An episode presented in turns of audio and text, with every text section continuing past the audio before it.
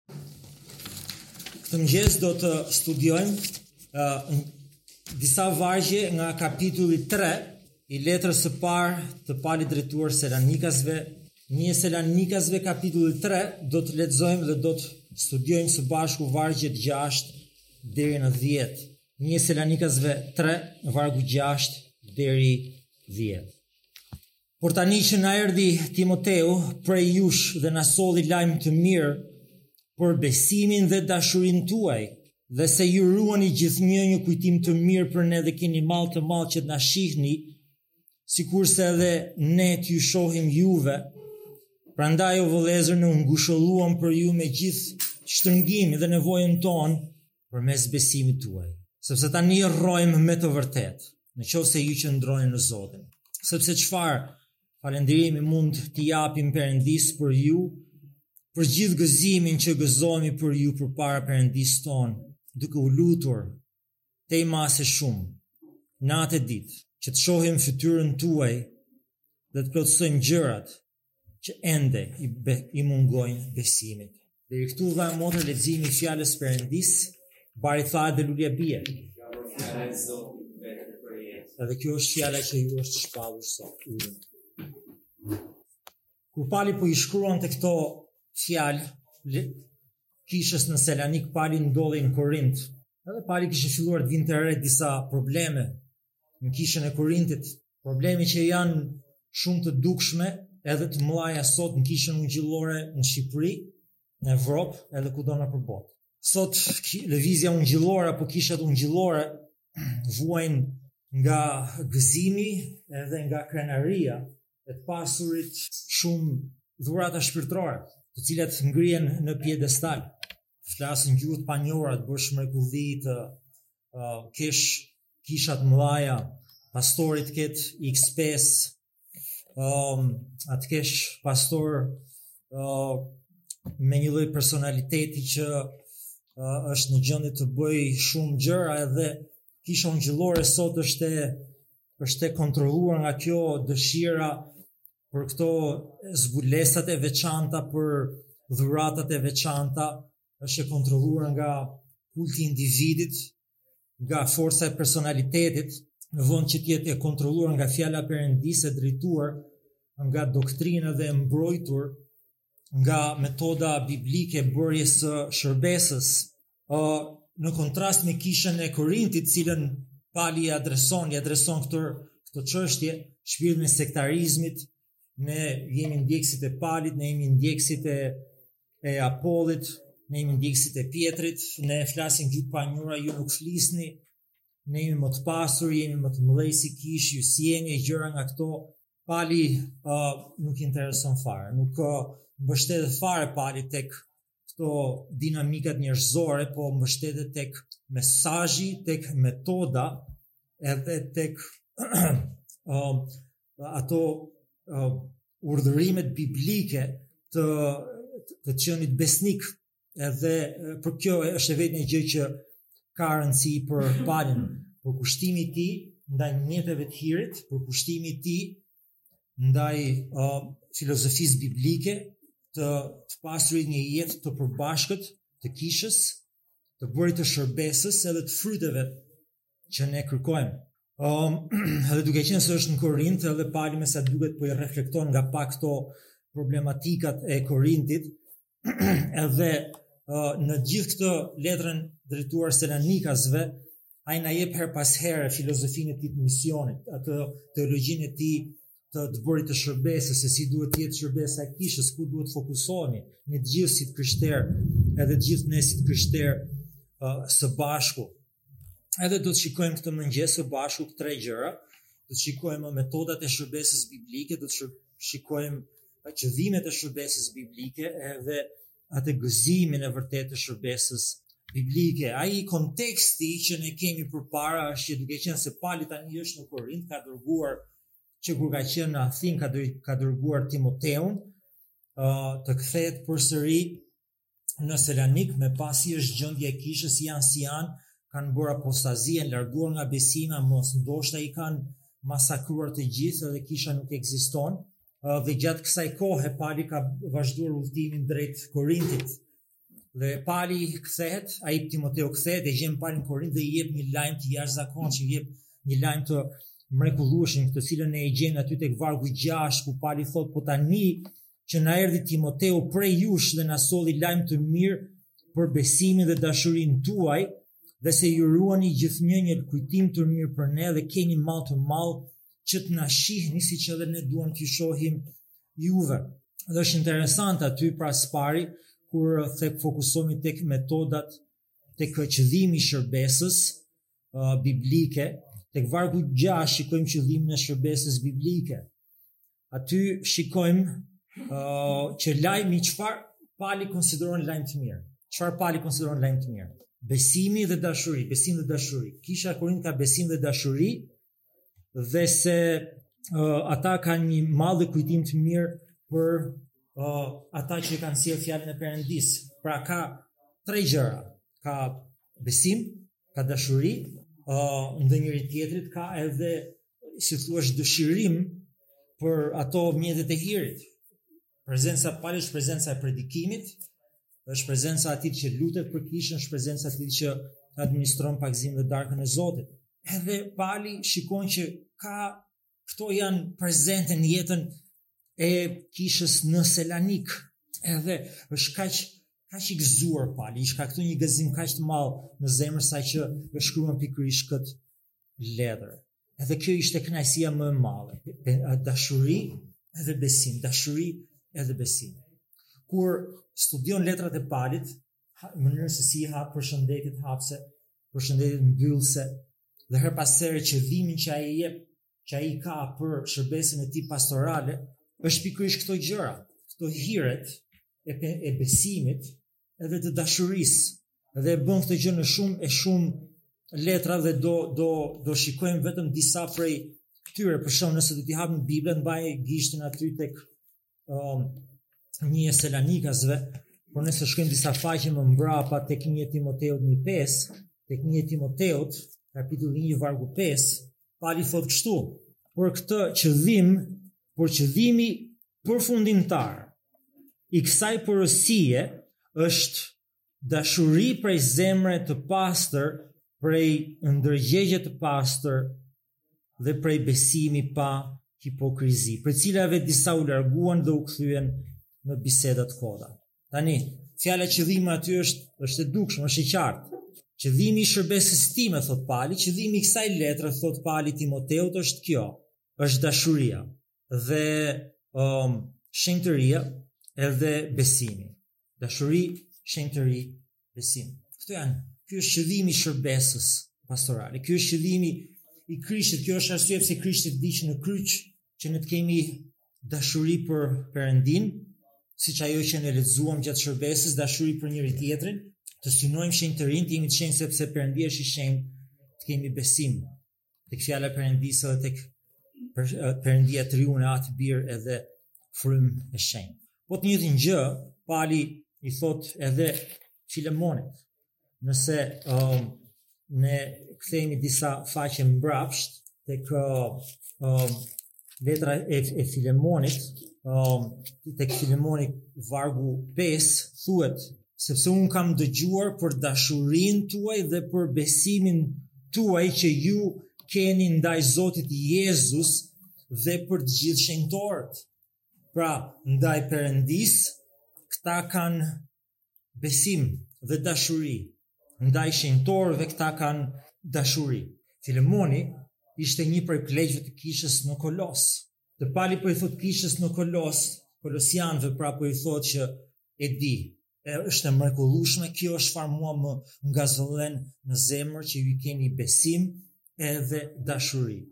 Duke u kthyer disa kapituj disa libra më pas tek Galatasve kapitulli 5, tek Galatasve kapitulli 5 vargu 6, Pali përmend pikërisht po ato dy qëllime për shërbesën e krishterë.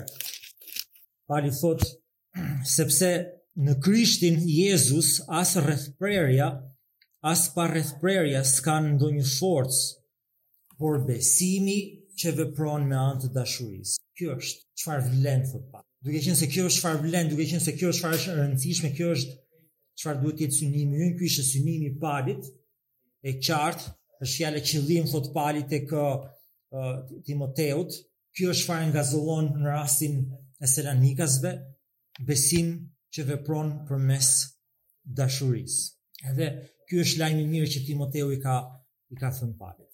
Thotë uh, Timoteu i thotë Palit që njëfarë mënyre qëllimi ynë është realizuar. Po është një kishë me problem, është një kishë nën presion të jashtëzakonshëm, po i fusin burg, po i masakrojnë, por lajmi i mirë Pal është kjo, që predikimi ynë i ungjillit Pagëzimet që ne kemi bërë darka e Zotit që kemi administruar, ka bërë që ata ende të jenë në besim ndaj Perëndisë edhe në dashuri ndaj njëri-tjetrit. Edhe për këtë arsye, Pali është jashtëzakonisht i gëzuar. Edhe duke qenë se ky është qëllimi apostolik, qëllimi biblik i shërbesës, atëherë në këtë, në këtë moment duhet të fillojmë të mendojmë ato qëllimet e jetës tonë. Ka një varg interesant Pali kur kthehemi tek uh, Selanikasve 3.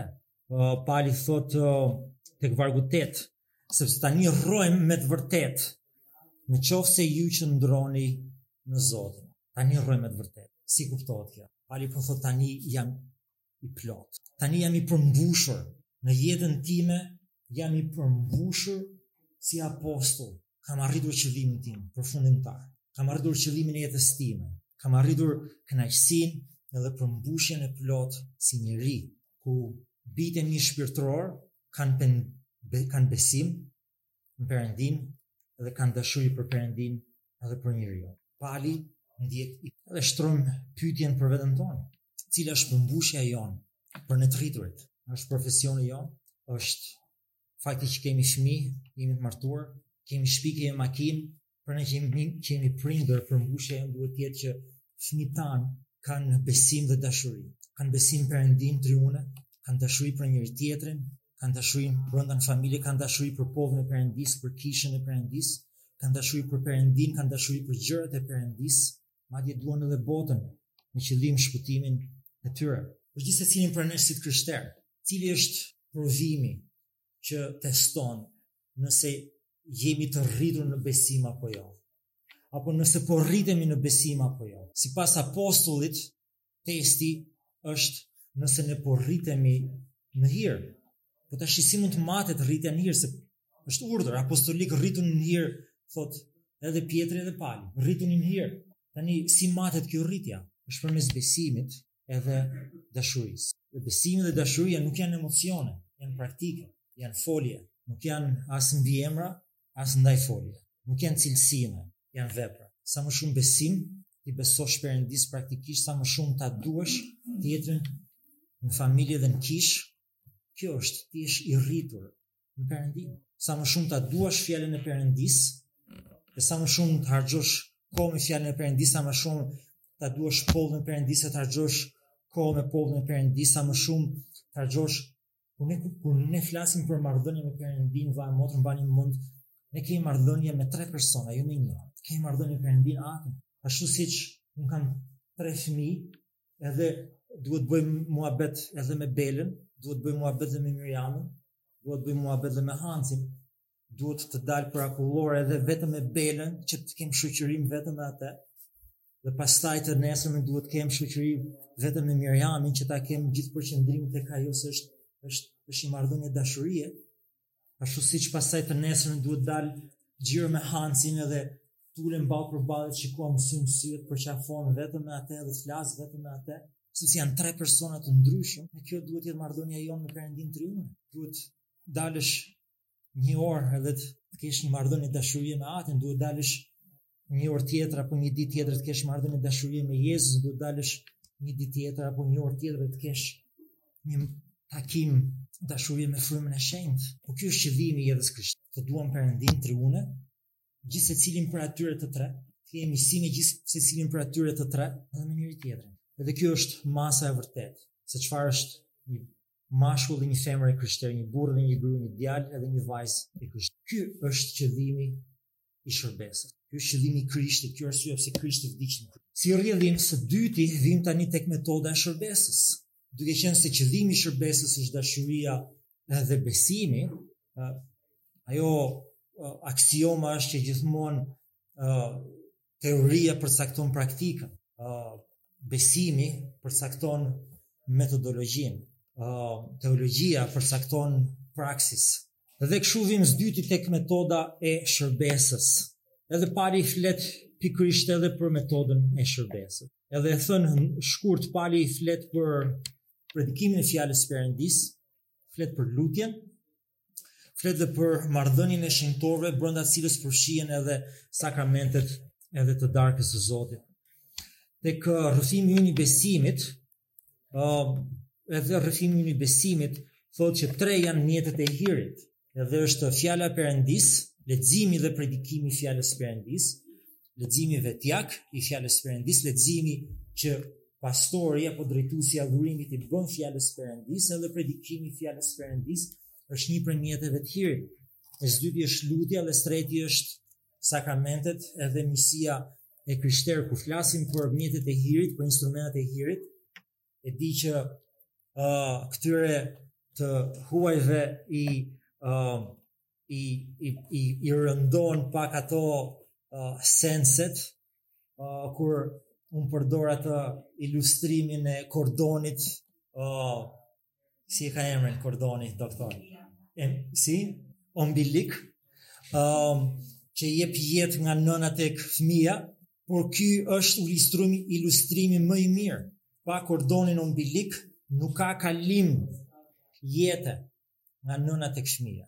Edhe ky kordoni, ky kordoni për jetën e krishterit është fjala e Perëndisë, është lutja, është miqësia e krishterë së bashku me sakramentet. Nëse këput këto je sëmurë, nëse këput këto po vdes, nëse këput këto do vdesësh eventualisht. Është është 100% e sigurt. Edhe për këtë arsye Pali thot së pari që um, ajo metoda e tij e parë e shërbesës së biblikës, mësimdhënia dhe predikimi i fjalës së Perëndis.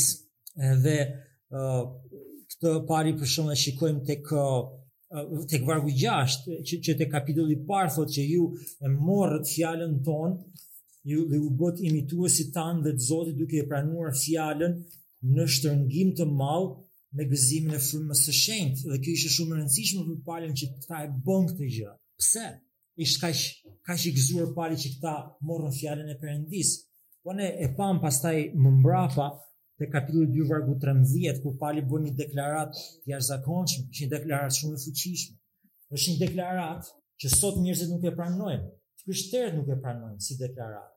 Sepse deklarata tek vargu 13 thotë prandaj dhe ne falendrojmë pa pushim Perëndin se kur e morët fjalën e Perëndis që e dëgjuat nga ne e pritët jo si fjalë njerëzish, por sikurse është me të vërtetë si fjalë Perëndie që vepron në ju që besoni.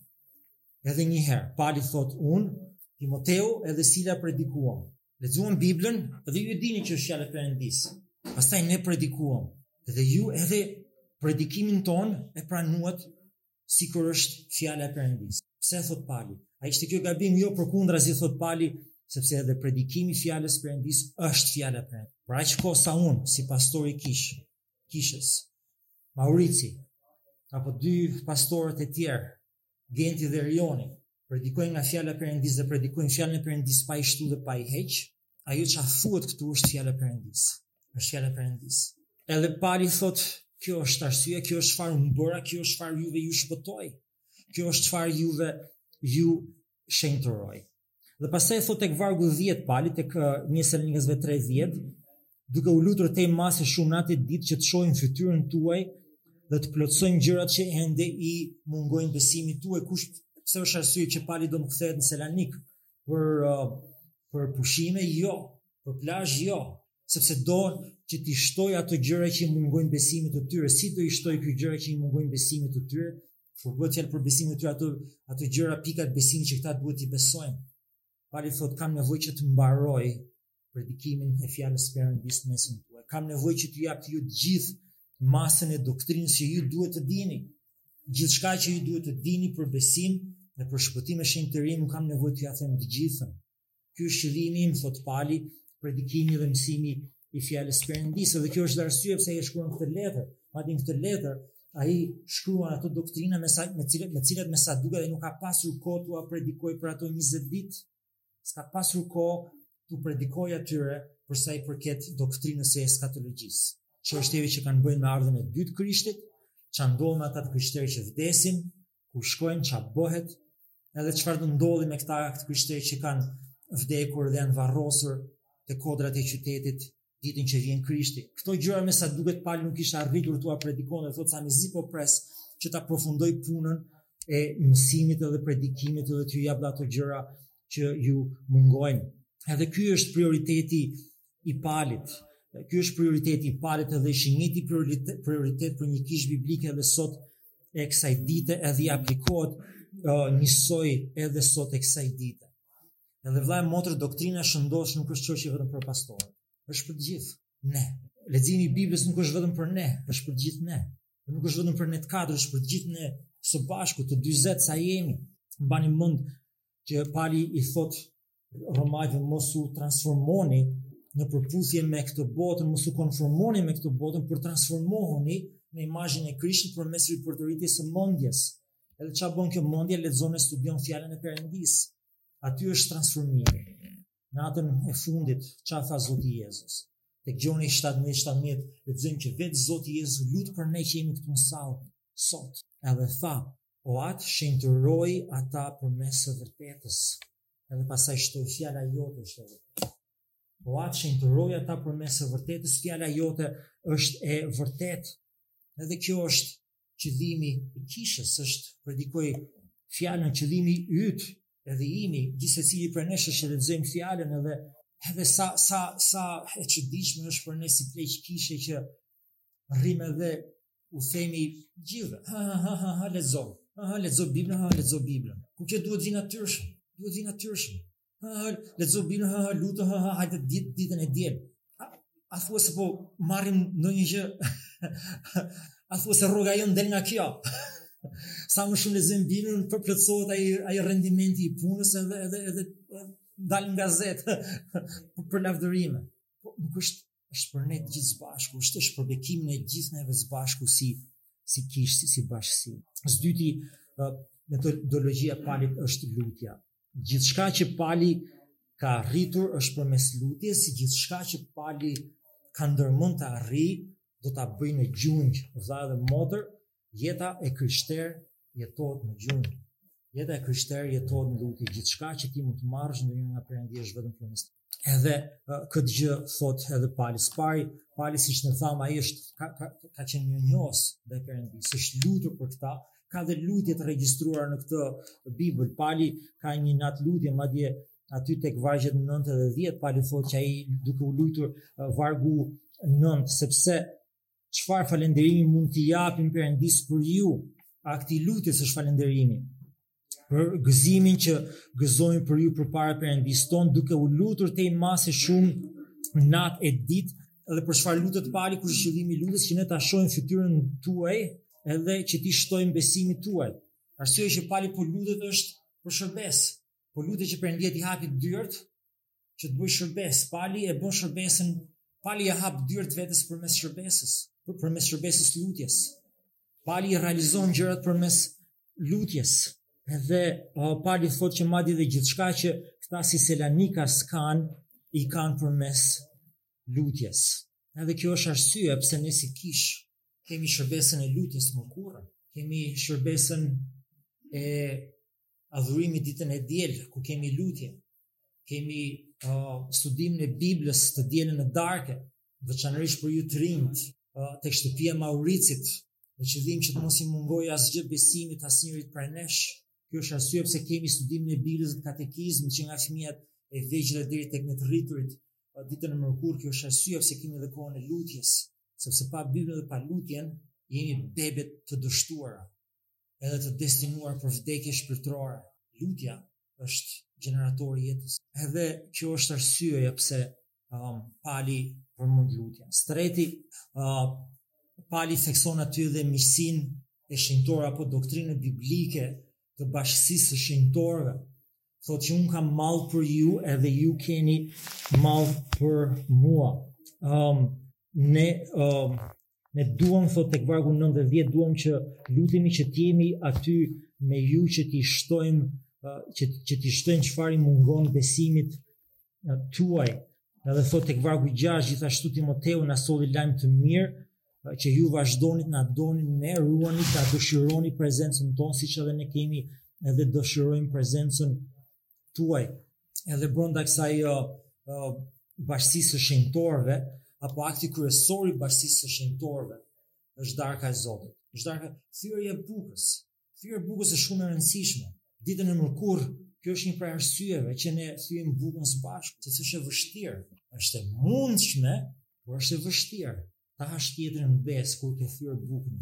Është e vështirë që të uh, bësh thashetheme kundra tjetrit kur ke thyer bukën. Është e vështirë të mos lutesh për tjetrin dhe mos simpatizosh, të qash me atë që qan dhe të qeshësh me atë që gëzohet, kur ke thyer bukën me të, kur ne të gjithë e thyejmë bukën me njëri tjetrin, kur ne thyejmë bukën me Jezus. Vëlla e motër, një vijë me dy pika është e lakueshme edhe është e thyeshme. Kush është uh, figura më, më e qëndrueshme në gjeometri? Po është trekëndshi, apo jo? Është unë, ti edhe Perëndia. Edhe ai trekëndshi. Dhe kjo lidhje ndodh gjatë shërbesës së darkës së Zotit, të cilin do ta kemi të mërkurën të, të martën dhe në fund të enten që vjen. Edhe për këtë qëllim thotë Pali tek një Korintasve 10 16 thotë ajo buka që ne thyejmë a nuk është pjesëmarrje në trupin e Krishtit, sepse ka vetëm një bukë edhe ne jemi një trup i vetëm edhe pse jemi shumë sepse të gjithë marrim pjesë në bukën, në sakramentin e darkës së Zotit ne bashkohemi me njëri tjetrin, ne unifikohemi me njëri tjetrin, ne njësohemi me njëri tjetrin ashtu siç njësohemi me Krishtin. Fola më parë te trekëndëshi, është një trekëndësh barabrinjës. Ato dy pikat e fundit që jam unë në njërën anë dhe ju të gjithë nga ana tjetër, ose ti në njërën anë dhe të gjithë të tjerët nga ana tjetër, sa më shumë ti afrohesh me Zotin lart, sa më shumë unë afrohem me Zotin lart, aq më shumë ne afrohemi me njëri tjetrin. Sa më shumë ne afrohemi me njërin brinjë, aq më shumë afrohemi edhe në anën. Edhe këto gjëra ndodhin pikërisht gjatë shërbesës që Perëndia ka caktuar. Leximi, predikimi i fjalës, adhurimi i përbashkët, sakramenti i darkës së Zotit, thyerja e bukës, urdhëresat e Krishtit. Edhe këto janë prezente në kishën e Selanik, prandaj dhe së treti Pali gëzohet, Pali gëzohet, Pali lumturohet, thashë që ai vargu tetë aty thotë që ne tani rrojmë me të vërtetë, tani jam i përmbushur, thotë Pali, tani jam i përmbushur, tani kam gëzim, Pali ngazëllohet kur shikon ngulmimin e besimtarëve në besim drejt shpëtimit. Vëlla e motër, ai ngulmim është i rëndësishëm, sepse um, nuk është si të blesh një makinë të re, edhe të gjitha gjërat janë aty brenda, edhe radio, edhe timoni, edhe marshi, edhe frenat, edhe bluetoothi. Kur ne vijmë në Krishtin, ne nuk vijmë si një njësi e përmbushur, një njësi e mbaruar, nuk vijmë në Krishtin si si një projekt i mbaruar, duhet që të rritemi në Krisht. Duhet duhet që të rritemi në Krishtin vazhdimisht. Besimi është diçka e gjallë që rritet, por që do të thotë nga ana tjetër që edhe tkurret. Dashuria mund të rritet, por dhe mund tkurret. Shenjtëria mund të rritet, por dhe mund tkurret. Gjërat mund të jenë shumë shumë mirë, por mund të jenë edhe shumë shumë keq. Ne mund t'i shtojmë njëri-tjetrit, por ne mund të edhe t'i heqim njëri-tjetrit. Dhe kuptohet që gjithashtu nga ana tjetër Pali e din shumë mirë që shërbesa do të jetë gjithmonë um, e e e do ketë në mesin e saj edhe persona që bëjnë një rrëfim falso, që nuk janë vërtet krishterë, ndoshta ata nuk e dinë që janë krishterë, ndoshta mendojnë që besojnë, por që kur vijnë vështirësitë ato um, mohojnë Zotin, apo kur vjen një vështirësi apo një përplasje, apo një thashethem, apo ku di unë se çfarë, e lën Krishtin, lën kishën, lën bekimin e Perëndisë, edhe Pali e din shumë mirë që që që të qëndrosh në besim në Krishtin, ke nevojë për një ndërhyrje të mbinatyrshme nga lart. Ne, si kishë e reformuar, ne besojmë tek ajo doktrina madhështore, e ngulmimit të shenjtorëve, që thotë që ne si shenjtor duhet të ngulmojmë, që të qëndrojmë në besim, duhet të ngulmojmë që të rritemi në besim. E megjithatë, në fund fare, ai që ngulmon vërtet për ne është Perëndia. Ne arrijmë në dyert e parajsës jo sepse ne kemi ngulmuar tërësisht dhe plotësisht dhe vetëm nga fuqia jonë, por sepse është Perëndia që ka ngulmuar për ne. Ne duhet ta bëjmë pjesën tonë megjithatë në fund fare Pali thotë ai që nisi atë vepër të mirë në ju edhe do ta përfundojë atë ditën e Krishtit. Por Pali shikon këtu evidenca të freskëta të pendimit, besimit, shenjtërisë dhe dashurisë në jetën e Korintit dhe kjo është çfarë Palin e gëzon, që do të thotë për ne gjithashtu. Kjo duhet të jetë çfarë ne duhet të na gëzojë. Kjo është çfarë gjërat për çfarë ne duhet të lutemi, për besim dhe dashuri. Kjo është këto janë gjërat për cilat ne duhet të punojmë. Këto janë gjërat për cilat ne duhet ta gjejmë veten të përmbushur. Së dyti Pali gëzohet edhe për mbajtjen fort të lidhjeve të dashurisë dhe miqësisë së krishterë. Pali flet për atë mallin që ekziston ndërmjet tyre. Dhe nuk është një opsion më tepër. Rëndësi ka të duash Zotin, të vish në kishë, pastaj varja se kush vjen në kishë edhe ça mendojnë ato për mua, ça mendoj unë për ata, nuk dua, unë vij në kishë për veten time, themi ne. Dhe në një farë mënyret edhe, edhe, edhe ne që jemi në shërbesë, biem në këtë gënjeshtër, kur dy persona janë grindur me njëri-tjetrin, nuk vijnë më në kishë, edhe të paktën të mos i humbur si anëtar kishe themi, po mirë burr ai ai foli e tha atë apo ajo e tha atë. Mos hajde në kishë për atë, sepse argumenti i personit është që unë nuk vij në kishë se është ai person. Edhe ne bëjmë gabim kur themi, po mirë mos hajde për atë në kishë, hajde për Zotin. Nuk është keq ta thuash këtë. Unë vij në kishë për Perëndinë triune, vij në kishë dhe për popullin e Duhet të vij në kishë për Perëndinë triune, duhet të vij në kishë dhe për popullin e Perëndisë, që t'i jem bekim atij apo asaj, që dhe ai të jetë bekim, ai apo ajo të jetë bekim ndaj meje. Diçka më pak se kaq, nuk është biblike, diçka më pak është. Së treti, Pali ngazëllohet edhe për privilegjin e paçmuar që ne kemi si të krishterë që të futemi në prezencën e Perëndisë të kemi akses tek prezenca e Perëndisë në qiell, e tek vargu nëntë, ai thotë, uh, sepse çfarë falënderimi mund t'i japim Perëndisë për ju, për gjithë gëzimin që gëzohemi për ju përpara Perëndisë tonë, apo, apo fytyrë në fytyrë, apo në prezencën në prezencën personale të perëndisë është ai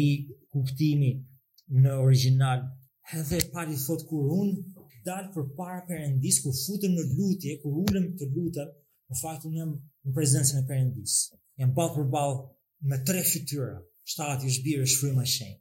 Edhe menjëherë kur filloj të adhuroj, menjëherë kur kur filloj të lutem, filloj më vini ju ndërmend jam mirënjohës për ju të gjithë. Jam mirënjohës që unë kam akses, jam përpara të tre këtyre, për shkak të asaj çfarë Krishti bëri në kryq, sepse kur Krishti tha ka përfunduar, perdja e tempullit u ça në dysh, nga lart poshtë nuk e çau njeriu po e çau Perëndia, që dhe tani unë kam hyrë, jam në prezencën e Perëndisë, jam tek e shenjta e shenjtores, flas personalisht edhe fytyrë në fytyrë me Perëndinë, dhe çfarë më nderon akoma më shumë është që edhe ju mund ta bëni një gjë të tillë. Ky është gëzimi më i madh, që kam akses direkt dhe që ju keni akses direkt. Nuk shihemi dot fytyrë në fytyrë, por ne ende qindra kilometra larg kemi mundësi që të kemi bashkësinë e shenjtorëve si në mënyrë indirekte përmes Krishtit. Kur unë shkoj përpara Perëndisë triun edhe në fytyrë në fytyrë me ata, këtu rrotull është dhe ky, është dhe kjo, është dhe ai, është dhe ajo. Janë edhe shenjtorët lart në kishën triumfante që po adhurojnë këtë mëngjes Perëndinë në të njëjtën kohë. Janë edhe të krishterët nga ana tjetër e sipërfaqes së tokës, e rruzullit, janë edhe të krishterët nga ana tjetër e qytetit, jemi të gjithë brenda të njëjtës dhomë, përpara Perëndisë Triune duke adhuruar fytyrë në fytyrë me ata. Dhe jemi të gjithë së bashku, kjo është doktrina madhështore e bashkësisë së shenjtorëve gjatë kohës së liturgjisë së shenjtë. Jemi të gjithë së bashku, edhe të gjithë kemi akses tek Perëndia. Edhe për Palin ky është gëzim, është përmbushje e ekzistencës së vet. Është gëzim që të jesh me fëmijët e tu, me prindërit e tu, me të dashurit e tu, me miqtë e tu. në të njëjtin vend përpara Perëndisë Triune. Edhe kjo është arsyeja ato për çfarë Pali është i gëzuar dhe për çfarë ne duhet të kërkojmë në lutje. Këto janë ato bekimet që Pali i ka përjetuar dhe ndihet i përmbushur, këto janë bekimet që ne duhet të kërkojmë për familjet tona, për qytetin tonë, për të njohurit tanë, për të dashurit tanë, që do të thotë gjithashtu nga ana tjetër, që nuk ka nga shkallëzimi biblik, nuk ka budallallëk më të madh, sesa të mungosh gjatë kohës së shërbesës së adhurimit. Nuk ka vetëmallkim më të madh, sesa të mungosh në këtë realitet, mbani mend atë ditën e parë të Pashkës, nga ata njëmbëdhjetë apostuj që i ngelin Krishtit, Njëri prej tyre nuk e përjetoi Jezusin. Kush është ai? Kush ishte ai? Thomai. Thomai, Thomai nuk ishte në kishë ditën e diel. Ditën e Pashkës, ditën e ringjalljes së parë, Thomai nuk ishte në kishë. Dhe këta 10 të tjerë të grumbulluar, të frikësuar, kishin dëgjuar që Zoti ishte ringjallur, por Jezusi u shfaqet. Jezusi u shfaqet dhe e prekin. Jezusin, hanë bukë me Jezusin, marrin darkën e Zotit me Jezusin, por Thomai nuk është aty, Thomai nuk e shikon Krishtin, nuk e prek Krishtin, nuk ha me Krishtin, sepse nuk është aty, ditën e Zotit, ditën e diel që vjen e kupton mësimin dhe thotë, dua të prek vrimat, edhe arrin t'i prekë vrimat e Krishtit, po pse arrin t'i prekë vrimat e Krishtit, Sepse është aty. Arrin ta prekë Krishtin dhe të preket prej Krishtit sepse është aty me popullin e Perëndisë, me popullin e Zotit ditën e Zotit, në vendin që Zoti ka caktuar. Mendoj që aplikimet janë edhe janë të shumta. Në fund fare është interesante vargu, në vargun tetë. Tani jetojmë me të vërtetë. Tani jetojmë. Më kujtohet gjyshja ime që më ndiqte gjithmonë nga mrapa me pjatë në njërën dorë dhe një lugë në dorën tjetër, edhe donte të më, më ushqente, edhe më përbetonte, për çdo lugë që haja më përbetonte, haje dhe këtë lugë bre për shpirtin tim, haje dhe këtë lugë bre për shpirtin tim, edhe dreka ishte e gjitha një përjetim shpirtëror. kam bërë shumë gjëra për shpirtin e gjyshes time. Çdo lugë që e kam ngrënë, e kam ngrënë për shpirtin e gjyshes time. Edhe në fund fare, ajo ishte e përmbushur. Edhe teksa po meditoja mbi atë varg. Kjo pamja përmbushja, përmbushja e jetës. Ti je në Krishtin, ti je me popullin e Krishtit. Ti je duke bërë këto gjëra të Krishtit. Adhurimin, leximin, dëgjimin, lutjen, darkën e Zotit, përqafimin edhe dhënien dhe marrjen e dashurisë me popullin. Kjo është mrekullia e ditës së Zotit. Le të lutemi.